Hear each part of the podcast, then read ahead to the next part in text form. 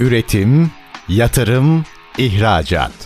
Üreten Türkiye'nin radyosu Endüstri Radyo sizin bulunduğunuz her yerde. Endüstri Radyo'yu arabada, bilgisayarda ve cep telefonunuzdan her yerde dinleyebilirsiniz. Endüstri Radyo.com Kemal Güner'in hazırlayıp sunduğu Kemal Güner'le Hibe ve Teşvikler programı başlıyor. Herkese merhaba. Kemal Güner'le Hibe ve Teşvikler programımıza hepiniz hoş geldiniz. Artık bildiğiniz üzere programımızda devletin COBİ'lere, girişimcilere, şirketlere verdiği hibe ve teşviklerin neler olduğunu ve sizlerin de kendi şirketlerinizde bu hibe teşviklerden nasıl faydalanabileceğinizi konuşuyoruz. Eğer sizler de kendi şirketleriniz için sorularınız olursa bizlere e-posta adresimden veya WhatsApp'tan iletebilirsiniz. E-posta adresim kemal.sadeçözüm.com WhatsApp numaramızda 0555 169 99 97 e, numaralı hattımızdan bizlere ulaşabilirsiniz. Bildiğiniz gibi programımıza her hafta alanında uzman kişiler, sanayiden ve sektöründe uzman kişiler konuk oluyor ve bizlere kendi deneyimlerini paylaşıyorlar. Bu haftaki konuğumuz Apaydın Grup Metal şirketinin operasyon direktörü, benim de çok sevdiğim eski bir hocam Salih Özgün. Salih hocam hoş geldiniz. Kemal'cim hoş bulduk. Çok teşekkürler. Nasılsınız hocam? Her şey yolunda mı? Yani sert bir 2022 yılı geçiriyoruz tabii. Bütün dünyadaki işte global ekonomik kriz diyelim etkilerini üzerimize de düşen kısmını biz de alıyoruz ama mücadeleye devam. Yılmak yok tabii ki yani. Evet mücadele her zaman hepimiz için devam ediyor hocam. Sevgili hocam Apaydın Grup Metal Şirketi'nde operasyon direktörlüğü görevini e, devam ettiriyorsunuz. Ne iş yapar? Öncelikle biraz şirketinizi tanıyabilir miyiz hocam? Şöyle anlatayım Kemal'cim. Şirket 20 yıl önce kurulmuş. Aslında çok köklü bir aile. Yani 100 yıldır Türkiye Cumhuriyeti'nin iş hayatında olan Apaydın ailesi Samsun ve Çarşamba ilçesindeler. Çok uzun yıllar mobilyacılık yaptıktan sonra stratejik bir karar alıp bundan 20 yıl önce bir de sanayiciliğe olan hevesleri sebebiyle bir metal işleme fabrikası kuruyoruz. Metal işlemeden kastım da şudur. Fil maşin isimli o demir ham maddemiz var. Onu bir galvaniz hattına sokup ikinci bir ham maddeye çevirip oradan da çevre koruma ürünleri dediğimiz çit grubu ürünlerini e, üretmeye başlıyorlar 20 yıl önce. E, bunun akabininde yatırımlar işte tam böyle hani şirket artık kendi başına böyle yürümeye başladığında ikinci fabrikayı Apaydın Grup Metal bünyesinde açma ihtiyacı duyuyorlar. O da ısıtma tankları üzerine boiler üretimi devam ediyor. Endüstriyel boilerler. Geçtiğimiz yıl ben burada göreve başladıktan yaklaşık 3 ay sonra Argesi ve Ürgesi tamamlanmış bir projeyi elimizde bulduk. Üçüncü fabrikamızda gazaltı kaynak teriyle ilgili olarak açılmış oldu ve son sürat e, üretime ve satışa devam ediyor. Bu yılki projelerimizin içinde de yine grup şirketi olarak dördüncü üretim sahamız olan bu sefer bahçe mobilyalarıyla ilgili üretime başlamış olduk. Dolayısıyla şöyle özetleyebilirim aslında. Dört tane üretim sahası yani dört fabrikası olan bir grup şirketi. Türkiye Cumhuriyeti'nin sınırları içerisinde dört tane şubemiz var. Şubelerimiz bize aittir ve satışlarımız oradan devam ediyor. Bununla beraber 2022 yılı içinde de Milano İtalya'da, Chicago Amerika'da da şirketlerimizi kurup orayı da yurt dışı şube olarak değerlendirdik ve satışlarımıza başladık. Özetle yaptığımız iş bu. Çok güzel hocam. Fabrikalar e, Amasya Merzifon'da benim de ziyaret edip direkt yerinde görme fırsatını bulduğum bir durumdu. Gayet de keyifli ve büyük bir işletme orası. Gördüğüm kadarıyla çalışan arkadaşlar da zaten fabrikada ve firmada çalışmaktan gayet memnun ve mutlular. Üretilen ürünler de çok katma değerli e, ve güzel ürünler, kaliteli de ürünler. Siz bu ürünleri tabii Amasya Merzifon'da üretip e, Türkiye'ye ve halihazırda yurt dışına da farklı ülkelerde satışını yapıyorsunuz. Yani ihracatını gerçekleştiriyorsunuz. Ee, nedir hocam evet. ihracattaki durumumuz nedir? Hani ne kadarımız yani satışlarımızın yüzde kaçı aşağı yukarı ihraç ediliyor, yurt dışına satılıyor? Kemal'cim bizim iki yıl öncesinden başlayayım aslında ihracat hikayemize. Şimdi şöyle, Türkiye Cumhuriyeti'nde eğer üretiyorsanız aslında yurt dışından mutlaka kapınıza birileri gelecektir zaten. Yani ama şu kaydı şart ile yani kaliteli üretim yapıyorsanız eğer mutlaka gelecektir. Ancak tabii ki Yine yetkin bir insan kadrosuna ihtiyaç var bu ihracat operasyonu için. Ve iki yıl önce burada aldığımız bir karar vardı. Ciromuzun yaklaşık yüzde 10-11 civarında olan bu ihracat satışlarımızı ya biraz daha organize şekilde bir ele alalım. Biraz daha büyütelim. Ve ülkemize de hem döviz kazandırmak anlamında hem de mevcut üretim sahalarımızın sürdürülebilirliğini sağlamak anlamında faydası olacağını düşündüğümüz için bu işe birazcık yoğunlaştık. Şimdi iki yılın sonunda geldiğimiz noktada iki farklı ülkede biraz önce arz etmiştim sana. İtalya'da ve Chicago'da ve Amerika'da e, evet. şubelerimiz açıldı. Doğrudan ihracatımızı şubelerimizin üzerinden yapıyoruz. Ancak bunların haricinde 32 ülke oldu. Tabii kolay bir operasyon değil. Yani salgın sonrasındaki bu zaman diliminde elbette ülkemize kendi düşen payına, kendi üzerine düşen bu payı aldı. Özellikle navlu fiyatlarını aslında hep birlikte takip ettik ne kadar yükseldiğini. Ancak şimdi evet. makul noktaya doğru dönmeye başlamasıyla beraber tabii Çin'in de pozisyonuna bağlı olarak evet ülkemiz lokasyonu itibariyle, bulunduğu konum itibariyle avantajlı hale geldi. Biz de bu fırsatları iyi değerlendirdik. Hemen dibimizde tabii Ukrayna-Rusya savaşı devam ediyor. Tabii ki yani buna mutlu olacak halimiz yok. Ee, elbette üzücü bir hadise. Ancak ister istemez iş hayatı durmuyor. Bu savaştan kaynaklanan sebepler itibariyle bir takım fırsatlar doğdu ülkemiz için. E biz de bu fırsatlardan istifade eden bir tarafta olduk. Yani özetle söyleyecek olursak evet yani şu an itibariyle 2022 yılı tabelamızı kapatırken %10'larda olan yani toplam ciromuzun içinde %10-11 civarında olan ihracatımız artık %33'lere çıkmış durumda. 2023 yılında da bunu %45 ila 50 arasında konumlandırmak gibi temel bir hedefimiz var. Yani şu anda üretilen her 3 ürünün bir tanesini yurt dışına gönderiyoruz aynen. diyebiliyoruz değil mi hocam? Aynen, güzel, çok güzel. Aynen, aynen Kemal'ciğim. Ee, ben şeyi de biliyorum hocam. Siz yurt dışında da kendi yerlerinizi açıyorsunuz. Az önce biraz da bahsettiniz. Biri İtalya'da, biri de Amerika'da olmak üzere iki tane e, ofisiniz var diye biliyorum. Ofis midir hocam? Depo ya da imalat bir şey var mı yurt dışında? Şu anda bizim burada tercih ettiğimiz yöntem aslında Kemal'cim sizlerle de tabii istişare yap ederek buna karar verdik. Evet biz o ülkelerde kendi şirketlerimizi açtık. Bununla beraber o şirketlerin ofis ve depolarını kiraladık. Şimdi buradaki temel motivasyonumuz şu idi. Sağ olsun devletimiz özellikle depolarla ilgili olarak üretici olduğumuz takdirde %60'lara varan bir oranda bize kira desteği sağlıyor biliyorsun. Tabii bu %60'lık bir oran çok ciddi bir oran. Yani şimdi euro ile ve de dolarla kiralada, kiralama yaptığınız zaman hani buradaki bu yardım çok anlamlı hale geliyor. Bizim de seçtiğimiz model bu oldu. İtalya'da yaklaşık yani düz ayak olarak söylüyorum 1000 metrekarelik bir depomuz var. Ancak tabii rafların içine oturtulmasıyla beraber 1500 metrekareyi bulacaktır kullanacağımız alan.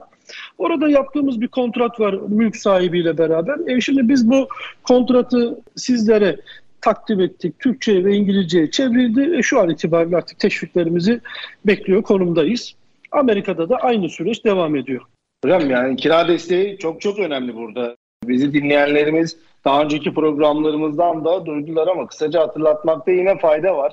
Burada Türkiye'de üretilen ürünleri, Türk markalı ürünleri eğer yurt dışında satmak, depolamak ya da sergilemek istiyorsanız açacağınız ofis, mağaza, showroom veya depolar için ödenecek kiralara destekler var.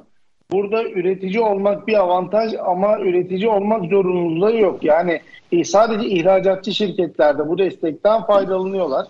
Ya da üretici ihracatçı olanlar da faydalanabiliyorlar. Az önce sizin dediğiniz gibi üretici ihracatçı firmalar devletimizin öncelik verdiği ülkelerden birinde eğer bu kiralamaları, yap kiralamaları yaparlarsa %60 destek var. Ee, eğer öncelik verilmeyen, yani devletimiz tarafından öncelikli olmayan ülkelerden birinde kiralama yapılırsa %50'si destek kapsamında. Aynı şekilde aynı şekilde dış ticaret firmaları da dediğim gibi bu destekten faydalanabiliyorlar ve sadece farkları imalatçılardan yani imalatçı ihracatçılardan bir yüzde on daha az faydalanabiliyorlar. Ama ister üretici olsun, ister sadece ihracatçı olsun e, her e, firmamız, her ihracatçı şirketimiz bu destekten faydalanabilirler. E, bu rakamlar hocam 2022 yılında mağazalar için 120 bin dolara kadar, diğer depo, showroom gibi yerler için 100 bin dolara kadar bir üst limitimiz vardı kiralanan birim başına. Ancak bu 2023 1 Ocak itibariyle yıllık birim başına 2,5 milyon Türk lirası olarak güncellendi bu rakam ve yılbaşı itibariyle bu uygulanacak. Evet, rakamlar gerçekten e, keyifli, anlamlı ve büyük rakamlar. E, yani bir depodan ya da bir mağazadan 2,5 milyon lira kira almak için kira desteği almak için yaklaşık 4 milyon lira gibi bir kira harcaması yapmamız gerekiyor ki genelde bu rakamlara çok fazla da çıkılmıyor. O yüzden firmalarımız bu destekten e, yoğunlukla faydalanmak istiyorlar. Yine şeyi de hatırlatayım hocam. Bir şirket yurt dışında 25 birime kadar açıp 25 yer için kira desteği alabilir devletten. Çok Şu iddialı an... bir rakam. Çok Tabii, çok iddialı bu... bir rakam Kemal'cim. Yani bu Tabii hocam.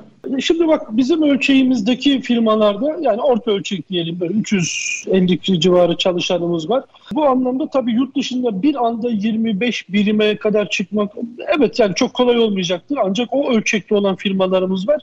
Çok ıskalanacak bir, bir hibe ve destek dil gibi geliyor bana baktığım zaman şöyle. Evet evet hocam özellikle şu dönemde 1 e, liranın 1 doların ya da 1 euronun bile çok kıymetli olduğu bir dönemde bu rakamlar çok çok büyük rakamlar. E, özellikle e, Türkiye'deki imalatçıları ya da ihracatçıları da yurt dışına yönlendirmesiyle ilgili çok ciddi bir katkıdır aslında bu. O yüzden burada özellikle yurt dışına satış yapan, ihracat yapan ya da yapmak isteyen şirketlerimizi de bilgilendirmiş olalım. Bu süreçlerden faydalandıklarında hem katma değerli satış yapmış olacaklar şirketleri daha karlı hale gelecek. Hem de haliyle Türkiye devletinin ürünü yurt dışına sattığı için de e, ülkeye de çok ciddi katkıları olacak ve döviz girdisi olacak. Mesela hocam şey de aslında bizi dinleyenlere aktarsak siz neden yurt dışında bir yer açma isteğinde bulundunuz? Yani Türkiye'de de yayılabilir ve mağazalaşabilirdiniz. Az önce aslında bazı faydalarını saydık ama sizi bu yola iten şey ne oldu? Şimdi Kemal'cim çok ilginç bir olay anlatayım sana.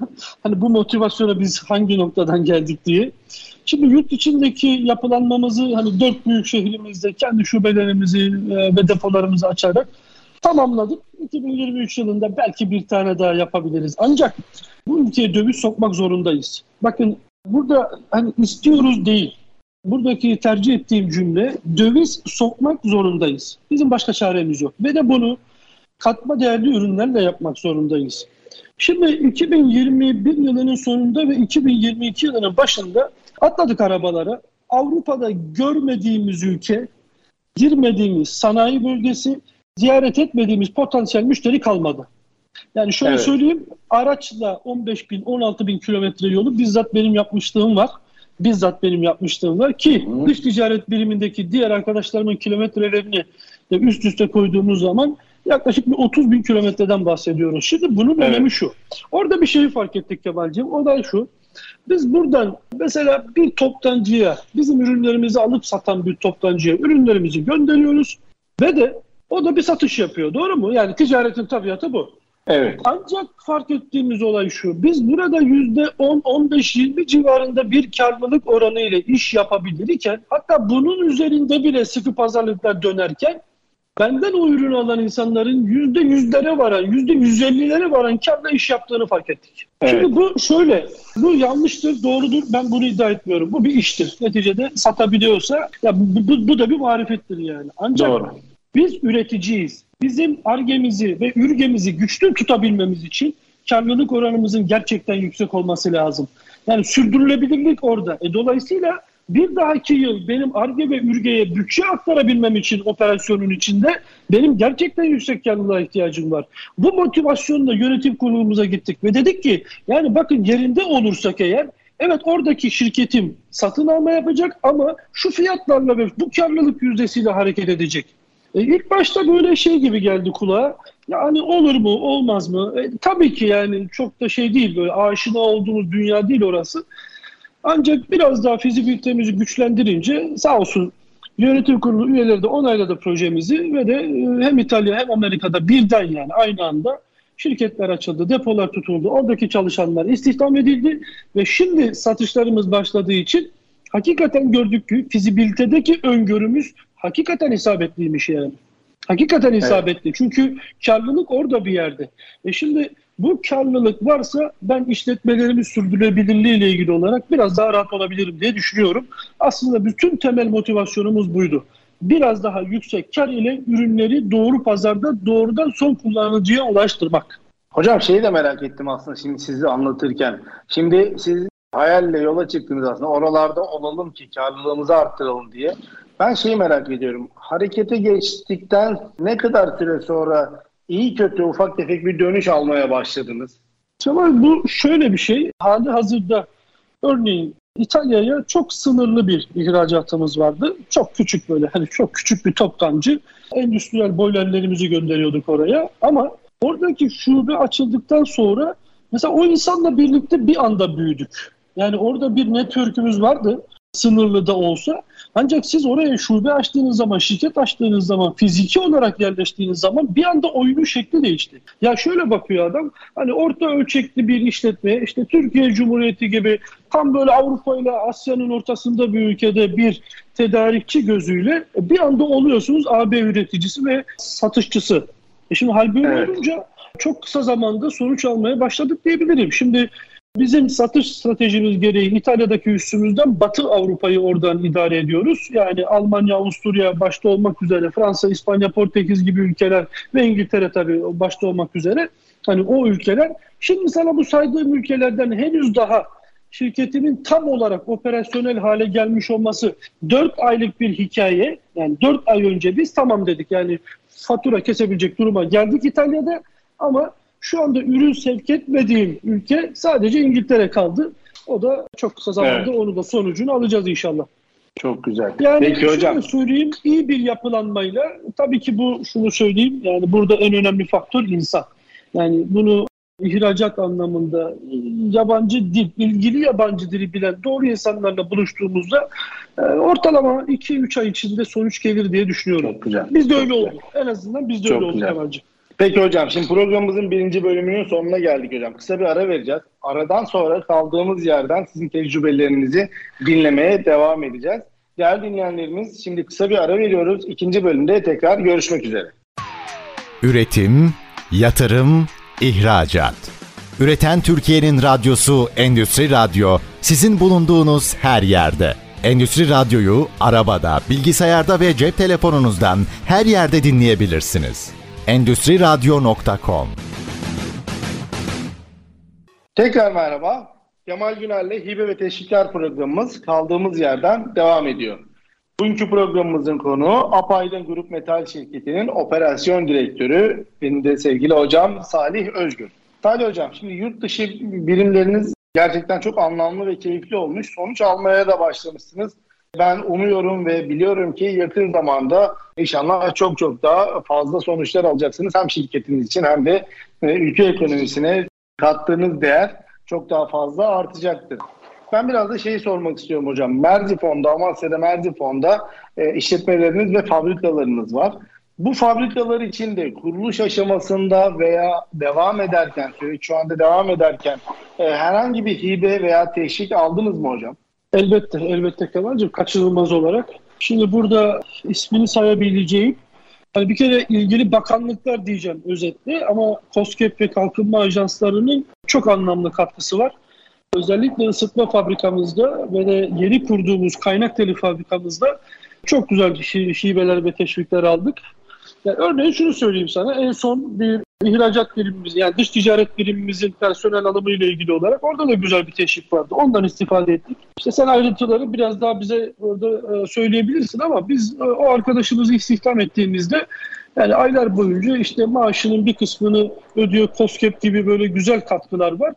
Yani bakın şöyle makine parkurumuza doğrudan dokunuşlar var. Kapasite arttırımı ile ilgili olarak doğrudan dokunuşlar var ve biz böyle firmalar sayesinde bu bu güzel bilgileri tabii ki yani iş yoğunluğunun içinde benim bunu ayrıca takip edecek bir birimim yok. Öyle bir lüksüm yok ama ve dolayısıyla haberdar olduktan sonra her türlü teşviği ve desteği elbette aldık. Bugüne kadar almaya da devam edeceğiz inşallah. Güzel. Hocam teşvikler yani çok önemli konular aslında ama genelde bizler günün koşuşturmasına çok takıldığımız için sanayiciler ya da işletmeciler olarak çok takıldığımız için e, bu konuyu göz ardı edebiliyoruz.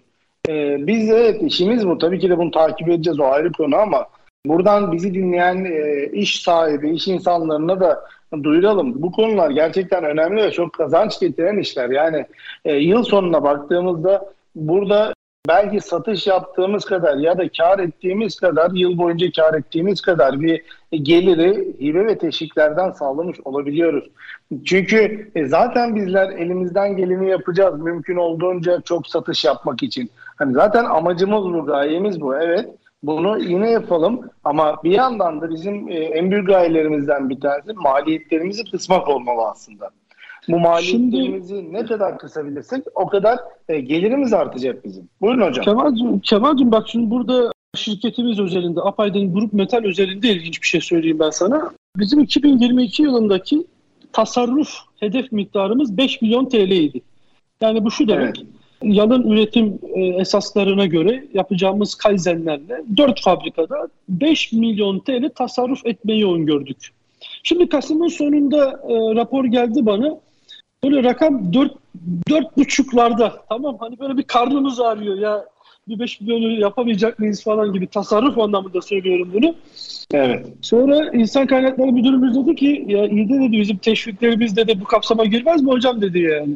Doğru. Bir, dur bir dakika niye girmesin? Bu bir tasarruf değil midir? Bu bütçemizdeki maliyetleri kısmaz mı? Kısar. E şimdi o rakamı da koyduğumuzda e, Kemal o 4,5 milyon rakamı bir anda çıktı 5,5 milyona. Anlatabiliyor muyum? Ya. Yani ben burada hiç kimseye bir akıl verecek pozisyonda değilim ama şunu söyleyeyim. Hani bir grup şirketinin idarecilerinden biri olarak bunu söylüyorum. Teşvikleri ve hibeleri ıskalama lüksümüz gerçekten yok. Çok evet. anlamlı rakamlar. Yani burada yüz binler, on binler, milyonlar bak bu rakam değişebilir. Problem değil. Ama bütçenin içinde doğru yönettiğimizde bunu hakikaten çok anlamlı katkılar oluyor. Sana somut bir örnek vereyim ben. Bir dahaki yıl için, bir dahaki yıl için normal şartlarda, normal şartlarda hiçbir hibe ve teşvik olmasaydı benim bütçemin el verdiği fuar katılımı, yurt dışı fuar katılım sayısı 2 idi. Evet. Ama şimdi bu hibeler sayesinde ben 5 tane fuara katılacağım Kemal. Yani ya. bu 5 fuar demek, bu 5 fuar demek ki düşün bu 5 fuar 3 ayrı kıtada yani oradaki hem mevcut müşterilere hem de potansiyel müşterilerin karşısına dimdik çıkabiliyoruz standlarımızla beraber. E şimdi bu 2'den 2 ile 5 arasındaki yani 2 fuar ile 5 fuar arasındaki fark orada hibelerde gizli. Aynen öyle. Ya hocam şöyle söyleyeyim. Fuar desteğine e, giriş yapmamız güzel oldu. Orada detay vereceğim ama mesela az önce dediniz 5,5 milyon gibi bir tasarrufumuz olacak. Şimdi ben şöyle düşünüyorum. Bir şirketin 5,5 milyon TL kar elde edebilmesi için %10'la çalışsa 55 milyon Türk lirası bir satış yapması gerekiyor. Aynen Şimdi, bu. Yani Aynen 55 milyon lira satış yapmaya çalışmaktansa aslında tasarruf yapıp çok daha az eforla biz 5,5 milyon TL kar elde edebiliyoruz. Böyle bir imkanımız var. Sizin dediğiniz var. gibi kimi şirket 5,5 milyon TL kar eder, kimi 55 bin lira kar eder, kimi 10 bin lira kar eder, kimi bir buçuk milyon lira kar eder. Hani burada rakama ben de hiç takılmıyorum. Ben hep firmalara gittiğimde şey anlatırım. Hani desteği rakamını bazı küçük destekleri duyunca hoşuna gitmez firmaları. Ya küçükmüş derler. Ben hep şu gözle bakarım. Bir sıfırdan büyüktür. Hani hiç olmamaktansa 1 lira olsun, 1 birim olsun neyse bunun adı. Şimdi oradan gelenle de haliyle 2022'de böyle bir bütçemiz, ekstra bir bütçemiz olursa e siz 2023'ü planlarken de bu sefer ne diyorsunuz? Ben 2022'de iki tane fuara katıldım. Buradan böyle bir teşvik hibe aldım. 2023'te yine hibe alacağım ve şimdi gelenlerin belki de parasıyla 5 tane fuara katılacağım. Şimdi 5 tane fuara katılıyor olmak yepyeni e, belki 500 tane, belki 5000 tane, belki de sadece 5 tane de olsa yeni müşteriye ulaşmak, kendimizi anlatmak, markamızı orada duyurmak, yeni mecralarda olmamızı sağlayacak. Yani o yüzden e, hibe teşvik konuları gerçekten çok önemli ve evet işlerimiz ağır.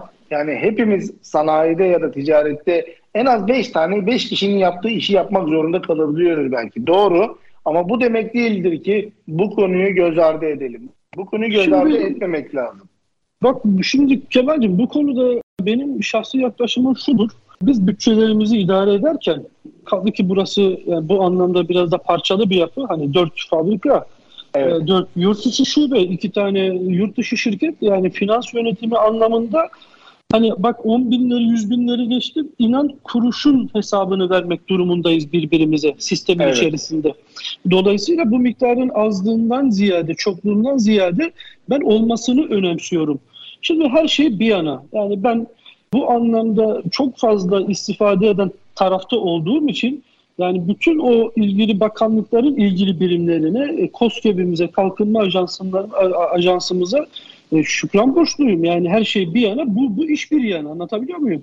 Niçin? Şimdi ben konuşmamın başında şunu söylemiştim. O dövizi biz ülkemize sokmak zorundayız. Buna ihtiyacımız var. Yani bunun aksini iddia edebilecek kimse var mı? Ya da aksini düşünebilecek kimse var mı bu ülkede? Zannetmiyorum. Yok. Zannetmiyorum ama şimdi bunu sokmanın yolu çok kolay değil. Yani şöyle bir kere şu Kapıkule'den dışarıya çıktığın an itibariyle euro harcıyoruz. Doğru mu? Ya en basitinden Doğru. fuarda bile, bir fuarda bile ya harcadığımız şeyin adı TL değil. E şimdi evet. bunlar iddialı rakamlar bizim için yani. Ha şöyle de tabii bir şey var. Dış ticarette hangi para birimiyle oynuyorsan onun gerçekleriyle hareket edeceksin. Bu sabit giderinde de böyle. Efendime söyleyeyim satışta da böyle. Tamam buna eyvallah. Ama bütün bunlarla beraber şunu da söylüyorum. Bu bütçe yönetimi, finans yönetimi hepsi bir yana. Kemal bir de bakkal hesabımız vardır bilir misin? Bu bizim esnaf kültürümüzden gelir ve ben bunu çok severim. Hiçbir zaman yabana atmam. Ya örneğin 5 bin liralık bir teşvik bile geldiğinde ya da 5,5-6 bin liralık ya çok basittir kafamdaki denklem. Yani şurada ekmeğimi paylaştığım emekçi bir arkadaşım da benimle beraber bir operatör arkadaşım da maaşını almış demektir yani. Alacak evet, demektir yani. Yani dolayısıyla rakamın azlığı çokluğundan ziyade evet yani birazcık bürokrasisi var bu işlerin doğrudur. Suistimale açık konular olduğu için elbette bu bürokrasi ve kontrol olmalı. Ama çok çok önemli olduğuna inanıyorum. Öyle de yaşıyorum. Burada yaptığım idarecilikte de benim bütçe anlamında önemli silahlarından biri yani. Evet. Hocam bu arada şeyi de söyleyelim kontrolleri ya da denetlemeleri gerçekten çok sıkı yapılıyor artık. Hani e, suistimale açık gibi görünebiliyor ama suistimale devlet çalışanlarımız, kurumlarımız gerçekten artık çok da müstahil, çok değil hiç müsaade etmiyorlar. Çok ciddi arka planda titizlikle inceleniyor. Bunun nedeni arka planda yapılan ciddi titizlikle yapılan çalışmalar.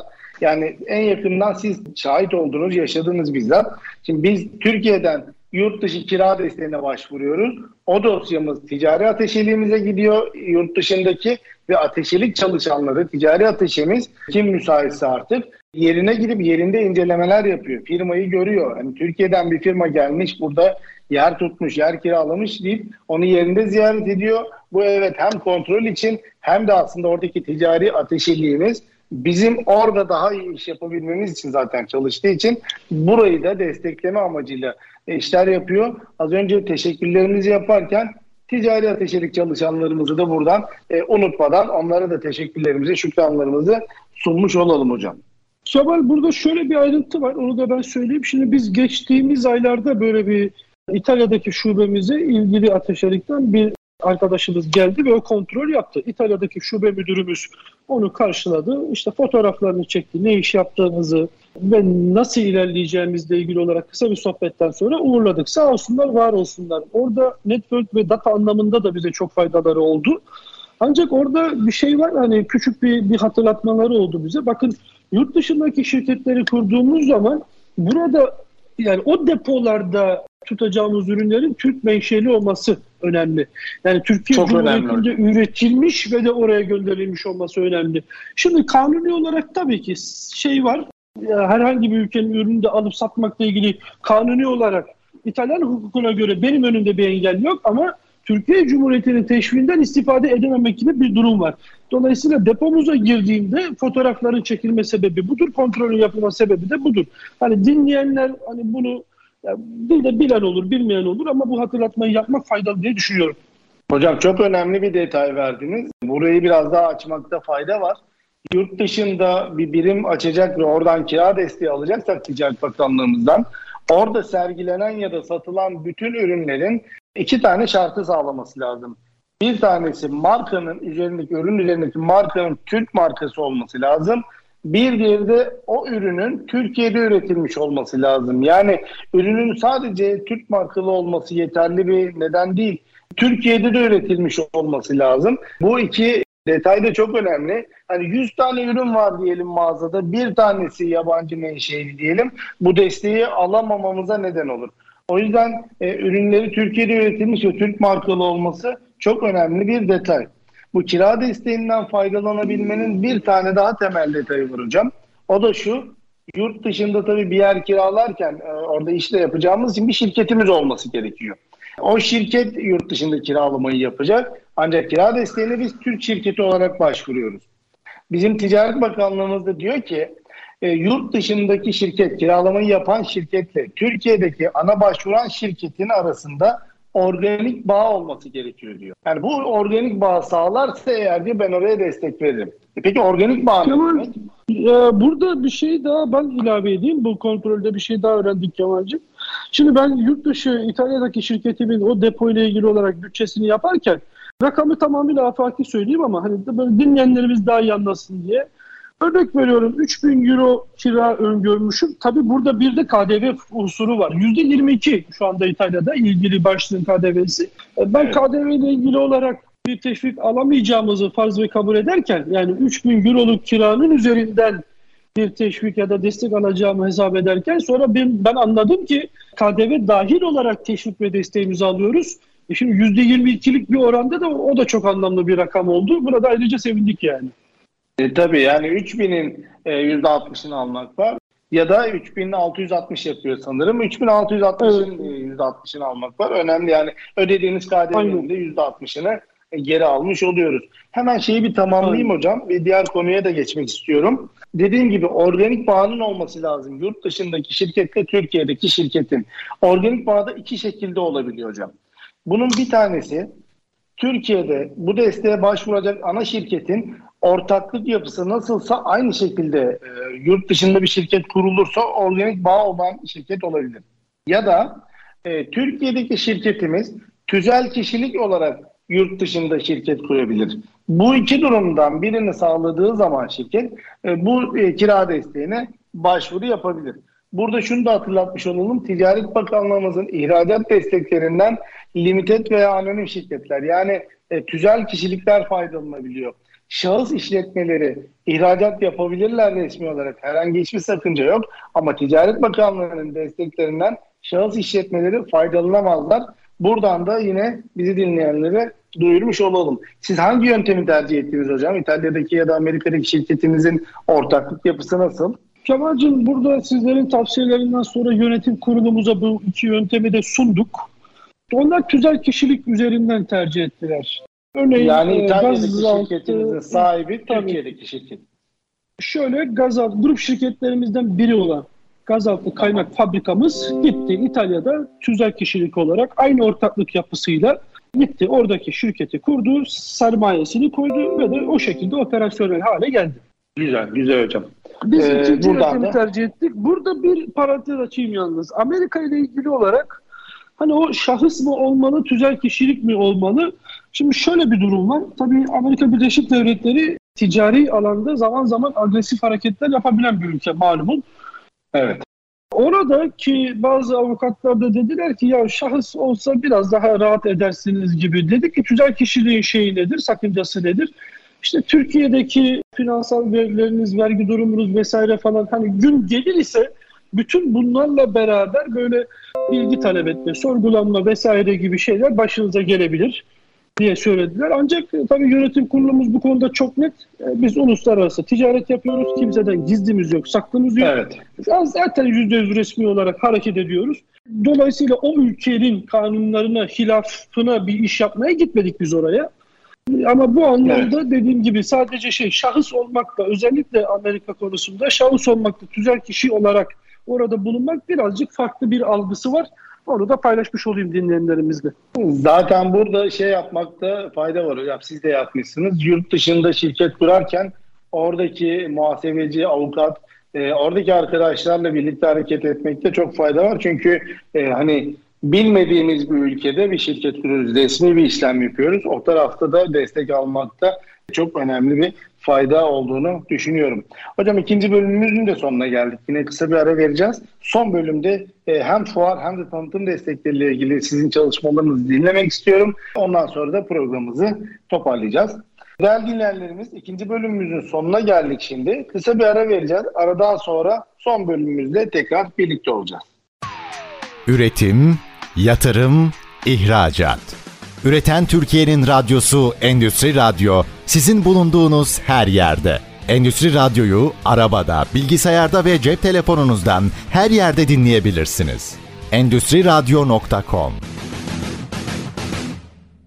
Evet tekrar merhaba. Kemal Güner'le Hibe ve Teşvikler programımız kaldığımız yerden son bölümüyle devam ediyor. Bugünkü programımızın konu Apaydın Grup Metal Şirketi'nin operasyon direktörü Sayın Salih Özgür. Salih Hocam, e, birinci bölümümüzde yurt dışında ve yurt içinde fuarlara katıldığınızı da söylediniz. Genellikle tercihiniz yurt içi mi yurt dışı mı oluyor hocam? Şimdi Kemal'cim aslında ikisini birlikte yürütmek durumundayız. Şimdi fuar demek ne demek? Önce onu bir kendi bakış açımızla bir izah etmeye çalışayım ben. Fuarda bulunabilmek yani herhangi bir fuarda bulunabilmek yurt içindeki müşterilerimizin gözüyle böyle ciddiyetimiz anlamında bir algı oluşturuyor ve bunu önemsiyoruz yani. Hani burada orada olabilmek önemli. Dolayısıyla yurt içinde bu dört fabrikanın da ilgili fuarlarına zaten katılıyoruz. Yurt dışında da aslında algı bundan çok da farklı değil. Çok da farklı değil. Ancak yurt içi ve yurt dışı fuarları arasında gördüğüm fark şu. Ya tabii Türkiye'de aynı dili konuşan, aynı kültürü paylaşan insanlar olarak çok daha hızlı sonuca gidebilirken örneğin Rusya'daki bir fuarda sıfır sonuçta dönme ihtimaliniz yüksek. E, yani evet. ikinci bir ikinci defa katılmanız icap ediyor. Çünkü yani bu insanlar e, özellikle Avrupalılar böyle sürdürülebilirlik anlamında iki üç defa bir şeyi gördükten sonra biraz daha itimat edebiliyorlar size. Sürdürülebilirlik ve o bu kavram bunları bu, bu, bu insanlar için oldukça önemli. Biz bu gerçekle hareket ediyoruz. Dolayısıyla şimdi 2023 yılına baktığımda ki bütçe çalışmalarımız tamamlanmak üzere yani yurt dışında 6, yurt dışında da 5 fuara iştirak edeceğiz gibi duruyor. Evet. Aslında hocam burada teşviklerin yanı sıra şeyi de konuşmak lazım. Özellikle ihracat için, yurt dışı için hedef ülkemizin kültürünü, tüketim alışkanlıklarını, ticari bakışlarını, sosyal hayatlarını aslında birçok alanını iyi bilmek ve tanımak lazım. O insanları tanımak lazım ki ona göre hareket etmek gerekiyor. E, bu dış ticaret tarafında da aslında çok önemli olan bir olgudur. Yani örnek veriyorum Almanla toplantı yaparken e, dakik olmak zorundayızdır aslında. Çünkü onlar çok dakiktir ve saygısızlık olarak da algılarlar gecikmeleri. E, ama Orta Doğu ülkelerinde bu süreler biraz daha esnek olabilir. E, orada çok da dakik olunmaya da bilir belki de. Çünkü karşı taraf bu şekilde davranmayabilirler. Ya da bir uzak tamam. oluyor, bir Japon'a satış yapmak arasında fark olacaktır. Yani bu söylemini şöyle destekleyebilirim. Hani bizzat başıma geldiği için söylüyorum. En son 4 hafta süreli bir Amerika'da bütün potansiyel müşterilerimizi ve halihazırdaki müşterileri bir gezme imkanım oldu. 4 haftanın sonunda bir şey dikkatimi çekti Kemal. 15 dakikadan uzun süren hiçbir toplantım olmadı. Bak 15 dakikadan uzun evet. süren ve de zamanında başlamayan hiçbir toplantım olmadı. Yani bu, bu çok güzel. İş anlamında çok güzel. Yani e, oturuyorsunuz oraya ve 4-5 tane klasik soru var. Kaliteyle ilgili belgeler tamam mı? Üretim kapasitesi nedir? Buradaki operasyonu kim yönetecek? Gibi böyle net sorulara cevap verdiğiniz takdirde evet hadi bir görelim noktasına gelebiliyor ürünlerinizi. En azından bir deneme siparişi çalışalım noktasına. Ancak şirket olarak bununla beraber o söylediğin o kültürel dokuyu e, Bakın bizim bunu değiştirme şansımız yok. Yani Alman Almansa İtalyan da İtalyan doğru mu? Ve bu insanlar kendi evet. kültürleri gibi iş yapacaklar. Ancak yurt dışında kurduğumuz şirketlerde Evet orada o ülkenin insanlarını istihdam etmeyi tercih ettik. Örneğin İtalya'daki bizim şube müdürümüz bir İtalyan ve şey yani yıllardır o sektörün içinde ve şimdi çok daha hızlı ilerleyebiliyoruz.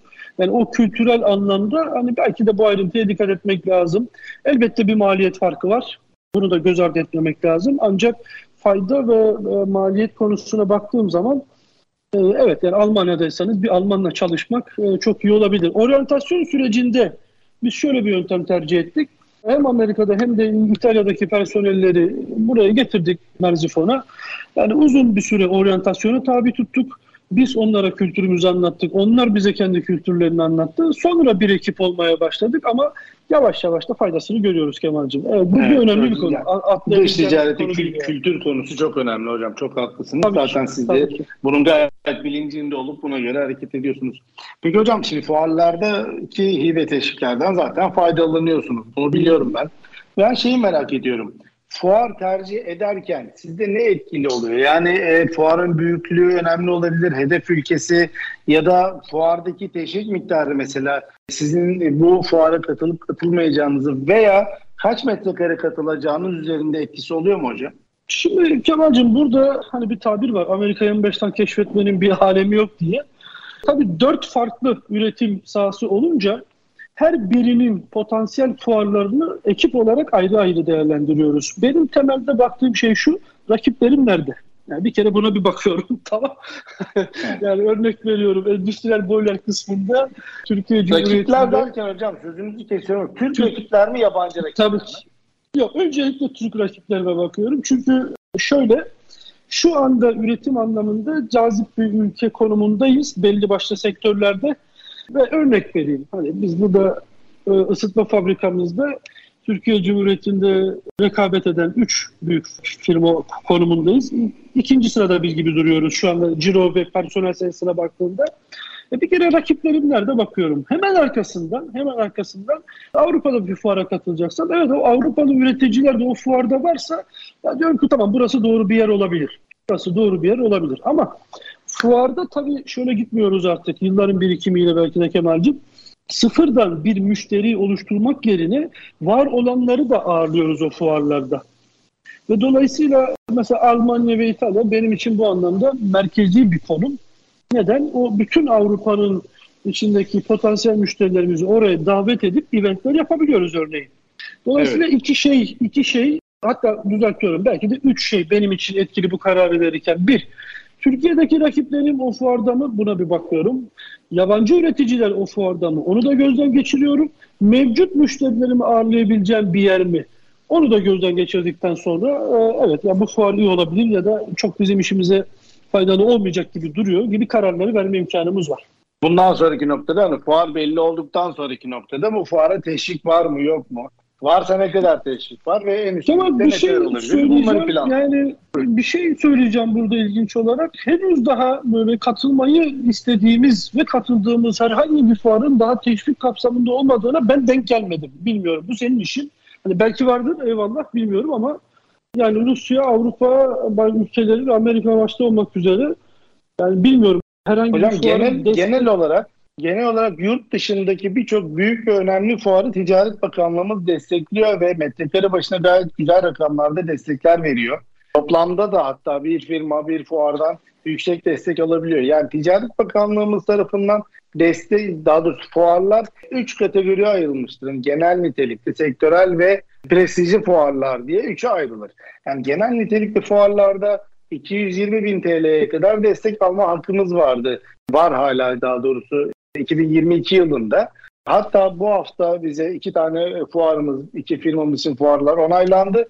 E zaten biraz daha fazla da harcadıkları için tam 220 bin lira üst limitten firmalarımız ödemelerini alacaklar. Şimdi ödemeleri bekliyoruz.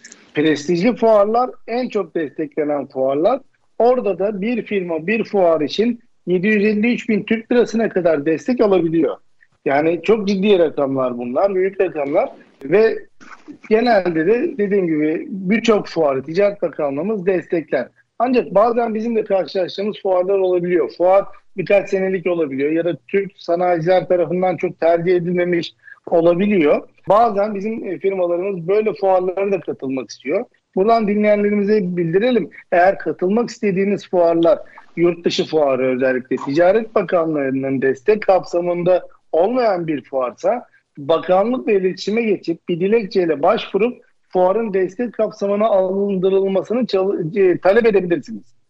Tabii bunu yapmak için fuarın başlamasına en geç bir ay kalması lazım. Yani bir aydan daha uzun bir süre olması lazım ki bakanlığımız bu fuarı incelesin ve destekleyip desteklememe kararını versin. Bir aydan daha uzun bir süre olan yurt dışı fuarları için dediğim gibi bakanlığa başvurup destek kapsamına alındırılmasını isteyebilirsiniz ki bizim birkaç kere tabii firmalarımız için böyle taleplerimiz olmuştu.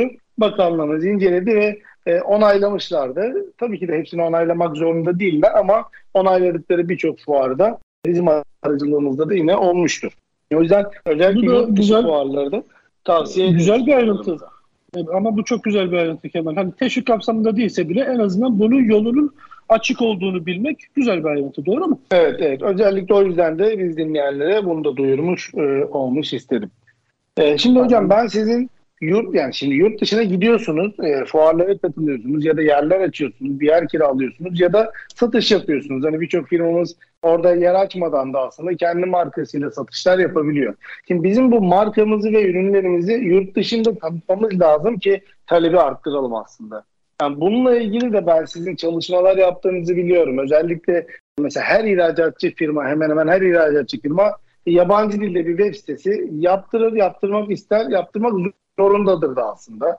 Ya da mesela sizin yaptığınız gibi yurt dışına yönelik katalog broşürler yaptırabilir. Sizin mesela kendi markanızı ve ürünlerinizi şirketinize duyurmak için yurt dışında ne gibi çalışmalar yapıyorsunuz hocam?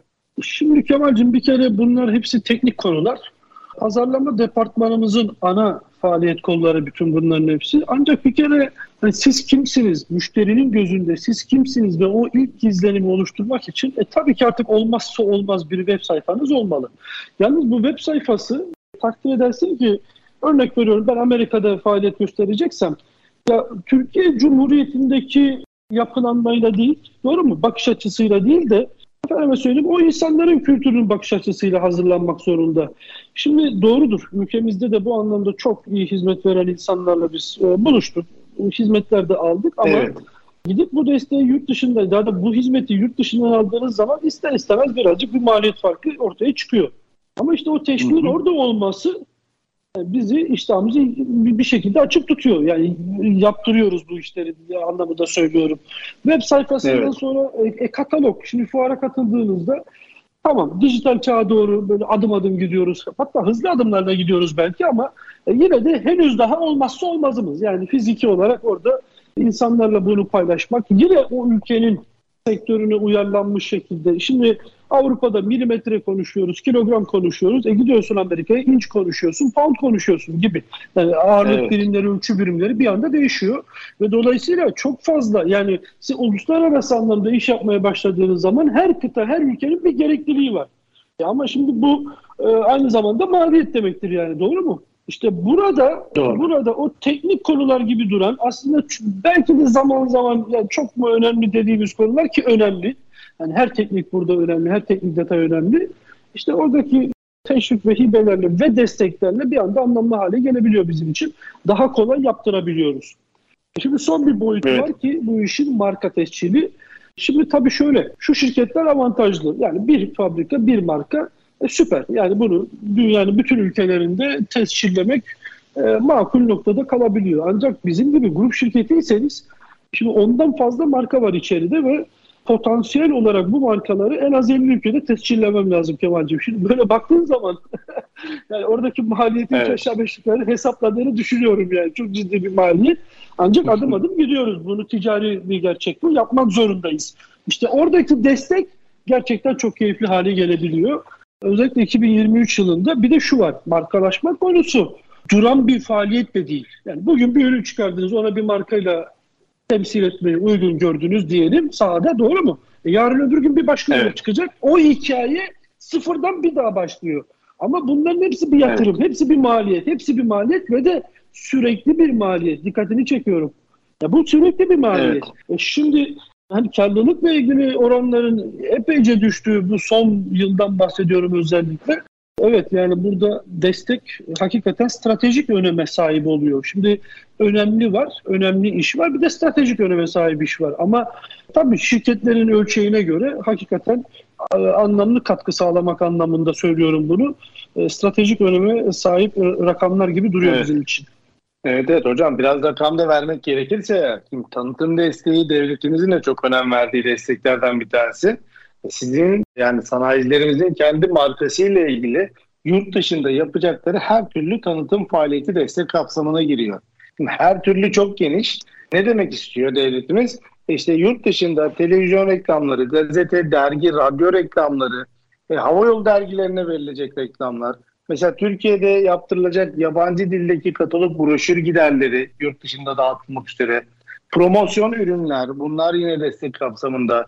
Ya da mesela az önce dedik hemen hemen yani her ihracatçının yabancı dilde sadece İngilizce de olsa bir web sitesine ihtiyacı var. Yabancı dildeki web sitesi giderleri yani kendi markamızla ilgili yapacağımız her türlü reklam tanıtım harcaması destek kapsamında ve yapacağımız reklam harcamasının %60'ını hibe olarak geri veriyor bize devlet. Ve bir yılda bir şirket 4 milyon Türk lirasına kadar destek alabilecek 1 Ocak 2023 tarihi itibariyle bu rakam şu anda 250 bin dolarla 150 bin dolar arasında şirket yapısına göre değişiyor. Ama dediğim gibi yeni yılla beraber artık bir şirket 4 milyon liraya kadar destek alabilecek. Yani rakam gerçekten çok ciddi büyük ve hani 4 milyonu bir kenara bile bıraksak yapacağımız harcamanın %60'ını bize geri verecek. Yani 10 liralık bir reklam verdiğimizde bize devletimiz 6 lirasını geri verecek önemli bir rakam. Bu desteğe başvurabilmek, başvurabilmenin temel iki tane koşulu var hocam.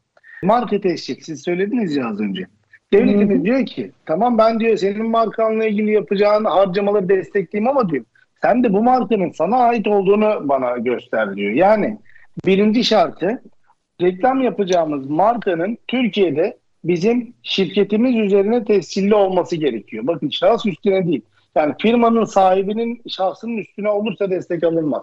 Şirket üzerine tescilli olması lazım. Birinci şart bu. Genelde de şirketlerimiz bu şartı sağlıyorlar. İkinci şart da şu. Reklam yapacağınız ülkede de aynı marka sizin şirketiniz üzerine tescilli olmalı diyor devletimiz. Genelde bizim firmalarımızın Türkiye tescili olur, yurt dışı tescili olmaz birçok firmamızın. Ve bu gibi durumda da yine Ticaret Bakanlığımız diyor ki Türkiye'de tescilli markanızı yurt dışında tesciline başvurun. Bugün başvurduysanız başvuru belgenizle beraber yarın reklam verebilirsiniz diyor. Yani yurt içi marka tescil belgesi elimizde olmak zorunda ama yurt dışı marka tesciline başvurmuş olmamız bizim için yeterli bir sonuç elde ediyor. Bu süreci başlatmaları firmalar için çok önemli. Burada şu devreye giriyor tabii. E, yurt dışı marka tescili de ciddi bir bedellerini dövizle ödüyoruz onu da. Devlet bunu da düşünmüş Ticaret Bakanlığımız diyor ki yurt içinde tescilli markanızı yurt dışında da tescillemek isterseniz o yurt dışı marka tescili için yapacağımız harcamanın ben %50'sini hibe olarak geri vereceğim diyor ve bir şirket 750 bin Türk lirasına kadar destek alabiliyor. Alabilecek 1 Ocak'tan itibaren. Şu anda bu rakam 50 bin dolar mesela 2022 için. 2023 için 750 bin Türk lirası şirket başına destek alınabiliyor. Önemli bir destek bu da. Yani aslına bakarsanız hocam yurt dışı ile ilgili yapacağımız hemen hemen her çalışmaya devletimiz destek veriyor. Mesela şu anda birçok firmamız e-ihracata yöneliyor. Yurt dışında birçok e, online e, platformlarda perakende ya da toptan satış yapmak istiyor. E, e-ihracat destekleri de mesela yeni yeni başlıyor. Burada da e, birçok destek var.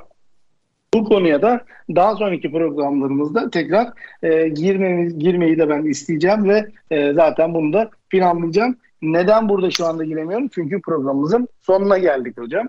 E, ben birkaç cümleyle birkaç dakika içinde bir e, toparlama yapmanızı rica edeceğim hocam. Hem kendinizle ilgili hem de teşviklerle ilgili yaşadığınız süreçlerle ilgili. Valla Kemal'cim bu sohbet için çok sağ ol. Bilgilerimizi biraz daha tazelemiş olduk biz de. Şimdi tabii sen misafirimiz olarak gidip geliyorsun. Çok sağ ol. Yani iyi, iyi bir hizmet alıyoruz zaten ama hani ilgili arkadaşlar raporlama da yapıyor ama ben de böyle bir bilgilerimi tazelemiş oldum. Yani sohbetin hani bir özetleyecek olursam benden yana gözüken kısmı şu. Yani dış ticaret herhangi bir üreticinin şu zaman diliminde ıskalayabileceği bir alan değil. Ama ucuz da bir alan değil. Yani bu iki gerçeği birleştirdiğimizde evet ben şunu iddia ediyorum ve de inanarak söylüyorum. Biz o dövizi ülkemize sokmak zorundayız.